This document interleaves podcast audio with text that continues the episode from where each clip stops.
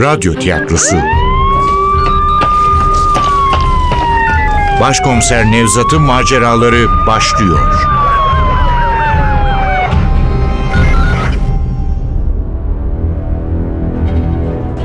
Kavim 2. Bölüm. Eser Ahmet Ümit. Seslendirenler Başkomiser Nevzat Nuri Gökaşan Komiser Ali Umut Taban. Komiser Zeynep Dilek Gürel Şefik Bora Sivri Polis Arda Aydın Efektör Cengiz Saral Ses Teknisini Gökhan Tunçkaya Yönetmen Zeynep Acehan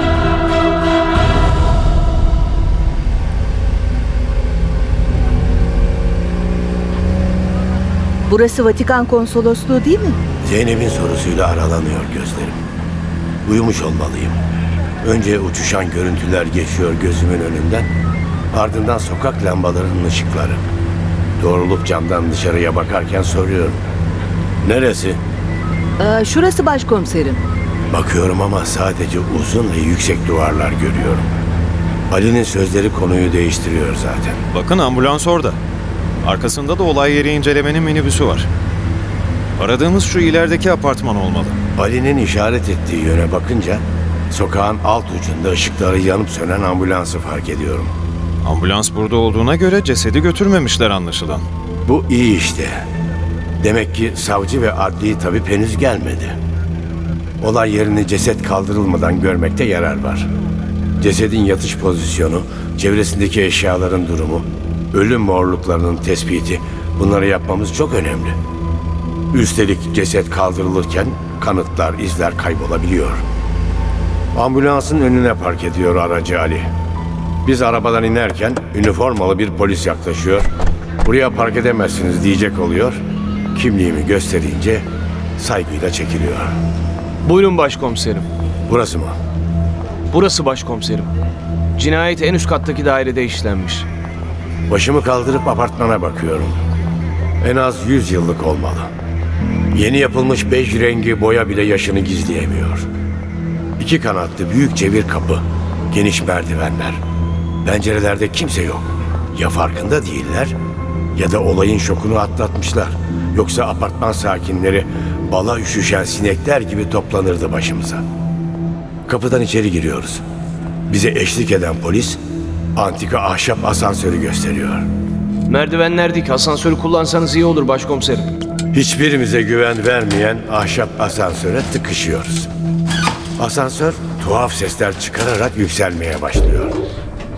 O kadar yavaş ki içimizden biri yürümeyi seçseydi asansörden çok daha önce çıkardı yukarıya.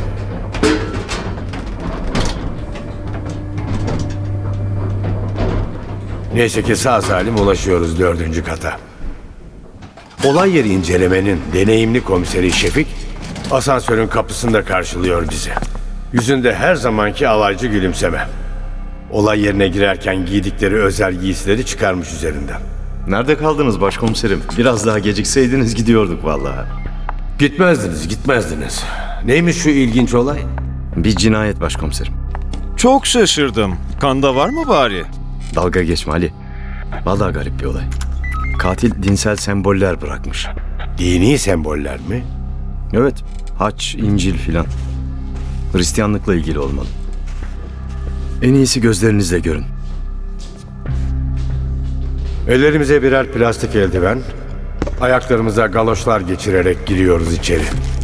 Daha adımımızı atar atmaz insanın içini bayan bir koku çarpıyor burnumuza. Tütsü mü bu? Tütsü. Kiliselerde kullanılan bir buhurdanlıktan yayılmış. Esrar da içilmiş. Her yana sinmiş kokusu. Esrar içmişler ha? Adamlar alem yapmışlar yani. Sonra biri kafayı bulup ötekini öldürmüş. Nesi ilginç bu olayın? O kadar basit değil göreceksin. Cesedi kim bulmuş? Kapıcının karısı merdivenleri siliyormuş. Kapının açık olduğunu fark etmiş. Zili çalmış. Yanıt alamayınca içeri girmiş ve Kapıcının karısı nerede şimdi? çok korkmuş. Sakinleştirici iğne olması için hastaneye yolladık. Ama zaten kadının bildiklerini anlattım size. Cesedi ne zaman bulmuş? İki saat önce. Kısa koridorun sonunda geniş bir salon karşılıyor bizi. Ceset orada, divanın üzerinde yatıyor. Salonun perdeleri kapalı. Ortadaki masanın üzerinde açık duran büyükçe bir kitap var. Kutsal kitap. İncil mi? Kitabı mukaddes yazıyor üzerinde. Bir an cesede mi yoksa kitab-ı mukaddese mi bakmak gerektiğine karar veremiyorum. Sonra kitaba yaklaşıyorum. Yakın gözlüğümü burnumun ucuna yerleştirip bakıyorum. Sarı kağıdın üzerinde siyah harfler yan yana sıralanıyor. Hem eski ahit hem de yeni ahit. Yani hem Tevrat, Zebur gibi İsa öncesi dini kitaplar hem de İncil var. Vallahi helal olsun. Nereden biliyorsun bütün bunları? Kitapta yazıyor Ali. Ama bizim için önemli olan şu altı çizilen satır. Uyan ey kılıç, çobanıma yakınıma karşı harekete geç. Ne demek şimdi bu? Bilmiyorum. Ama sanırım satırın altı maktulün kanıyla çizilmiş. Kırmızı giderek koyulaşmış. Mürekkebe pek benzemiyor. Hmm, olabilir ama laboratuvarda incelemeden konuşmak doğru değil. Bunu gördünüz mü? Zeynep sağdaki sayfanın kenarındaki boşluğa aynı kırmızı mürekkep ya da kan ne türden bir sıvıysa işte onunla dikey olarak yazılmış Mor Gabriel sözcüklerini gösteriyor. Gördük. Çok düzgün bir yazı. Elle yazılmış gibi değil. Sanki kalıp kullanılmış. Ama Mor Gabriel kimdir bilmiyoruz. Peygamber, aziz gibi bir şahsiyet olmalı. Mor Gabriel diye bir aziz ismi hiç duymadığım için ben de suskun kalmayı seçiyorum. Peki bu ne? Buğurdanlık. Kiliselerde ayin sırasında kullanılır. Üzeri renkli taşlarla süslü, gümüş buhurdanlığın yanında bir tutamaç. Tepesinde ise kubbeyi andıran küçük bir başlık yer alıyor. Kubbenin yanından üç zincir sarkmakta. Zincirlere bağlı dokuz küçük çan var. Buhurdanlığın güzelliği Zeynep'in de ilgisini çekmiş. Hayranlıkla mırıldanıyor. Muhteşem bir işçilik. Telkari ustaları süslemiş. Telkari ne? Bir tür gümüş işçiliği ama zor bir iş. Gümüşten ipliklerle nakış işlemek gibi. Çok ince bir iş yani. Telkari midir nedir bilmiyorum ama odadaki tütsü kokusu buhurdanlıktan yayılmış. Eğer buhurdanlığı kilisede ayinlerde kullanıyorlarsa burada da bir ayin düzenlendiğini söyleyebiliriz. Bir ayin. Hristiyanların da Yahudilerin de ayinlerinde insan öldürdüklerini sanmıyorum. Ama herhangi bir konuda fikir yürütmek için çok erken.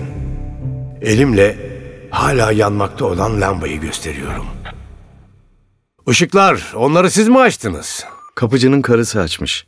Perdeler kapalı olduğu için içerisi karanlıkmış. Şu kapıcının karısı eşyalara maktule dokunmamış değil mi? Ne dokunması? Cesedi görünce korkudan çıldırmış kadıncağız. Başlamış bağırmaya. Yandaki komşu yetişmiş. Adam emekli subay. Kadını alıp dışarı çıkarmış. Bize haber veren de o. Bu kadar malumattan sonra nihayet divanın üzerindeki cesede yaklaşıyorum. Gözüme ilk çarpan metal bir haç oluyor.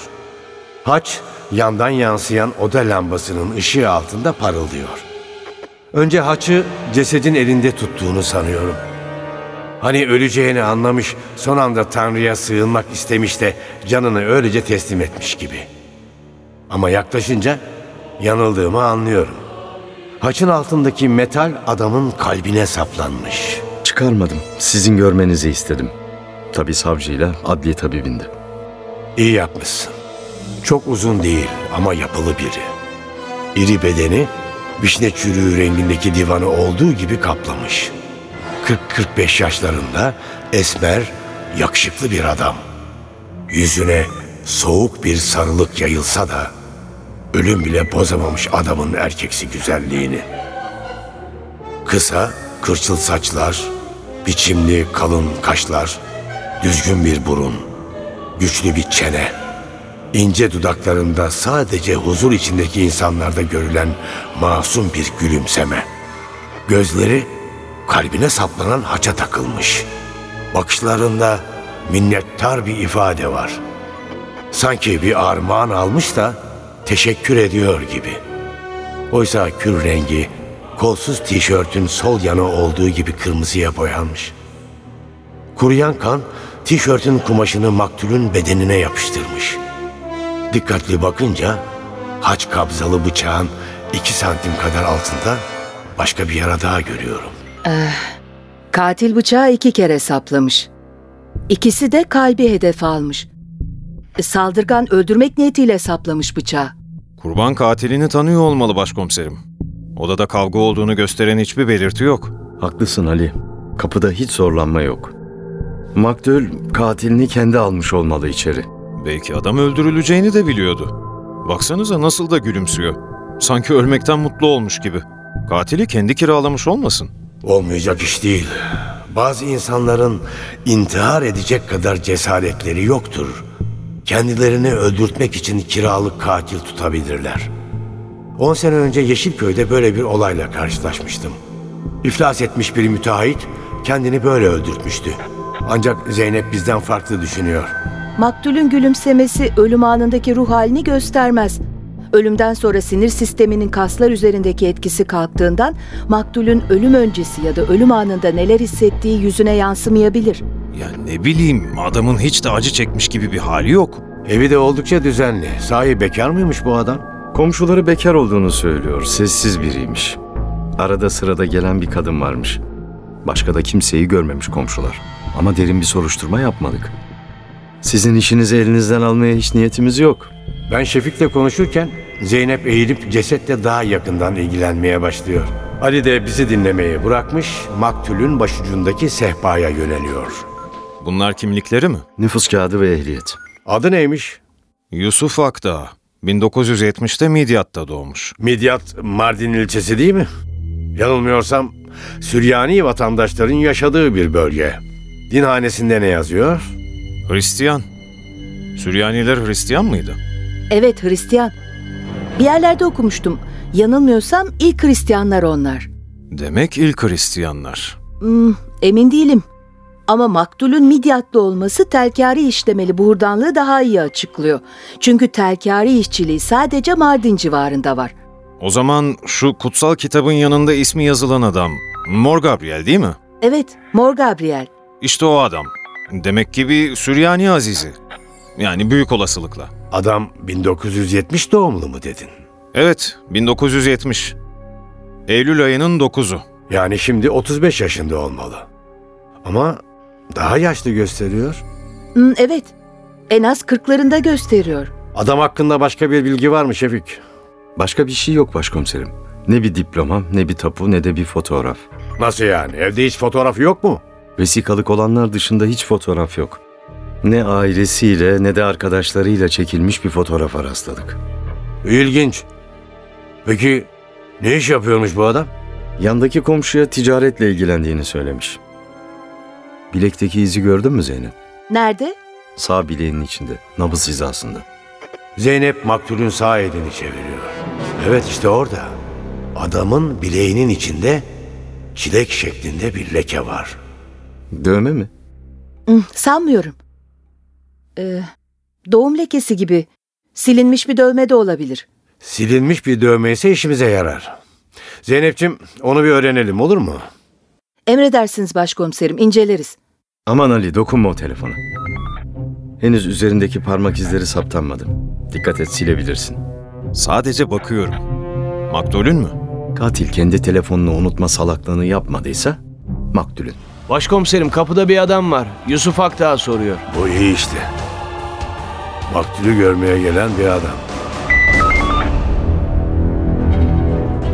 Kavim Eser Ahmet Ümit Seslendirenler Başkomiser Nevzat Nuri Gökaşan Komiser Ali Umut Tabak Komiser Zeynep Dilek Gürel Şefik Bora Sivri Polis Arda Aydın. Efektör Cengiz Saran. Ses Teknisini Gökhan Tunçkaya. Yönetmen Zeynep Acehan.